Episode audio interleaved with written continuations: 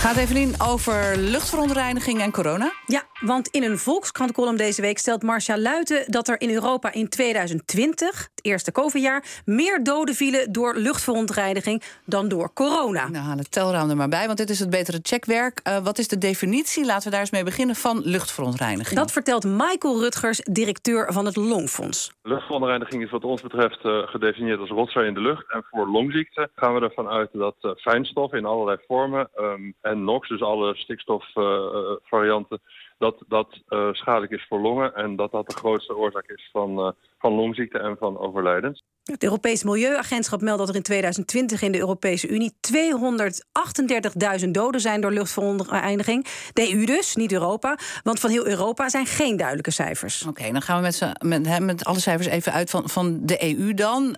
Waar is de lucht echt zo slecht? Dat weet Gerard Hoek, universitair hoofddocent Milieuepidemiologie aan de Universiteit Utrecht. De slechtste luchtkwaliteit uh, wordt uh, in het noorden van Italië uh, gemeten, in de Po-vallei. En dat komt doordat daar een combinatie is van heel veel industrie, heel veel verkeer...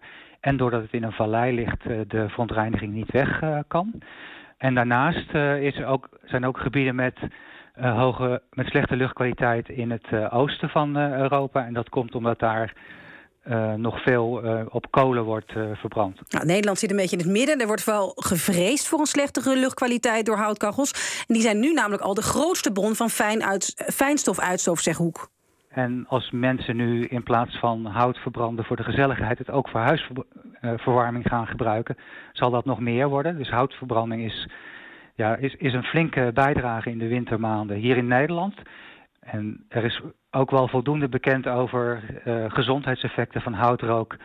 Uh, om te bedenken dat dat, nou ja, dat dat niet echt een goed idee is uit het oogpunt van gezondheid. Jaarlijks overlijden er in Nederland 12.000 mensen door luchtverontreiniging, al dus het, al dus het Longfonds. Oké, okay, in de hele EU ruim 200.000. En hoeveel waren dat er in uh, 2020 bijvoorbeeld door corona? Nou, dan moeten we natuurlijk naar een hele andere tak van sport. Ja. Dat hebben we gevraagd aan Marino van Zels, modelleur infectieziekten. Uh, er zijn er in ieder geval 400. Uh, 16.000 uh, gemeld in 2020 volgens uh, de ECDC. En dat is het, uh, nou ja, de officiële organisatie die dit bijhoudt.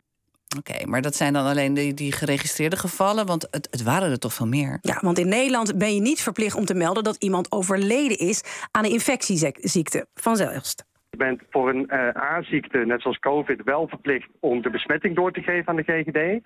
Maar als iemand daaraan overlijdt, is dat niet verplicht om door te geven. Uh, en dat is een deel van die verklaring waarom we niet alle sterfgevallen bij het RIVM terechtkomen. Maar op het doodsoorzakenformulier uh, staat dan wel aangegeven... ja, deze persoon is aan corona overleden. En daardoor weten we dat het dus veel hoger is. Oké, okay, 416.000 officiële coronadoden in 2020... tegenover 238.000 officiële doden door luchtverontreiniging. Ja, heel duidelijk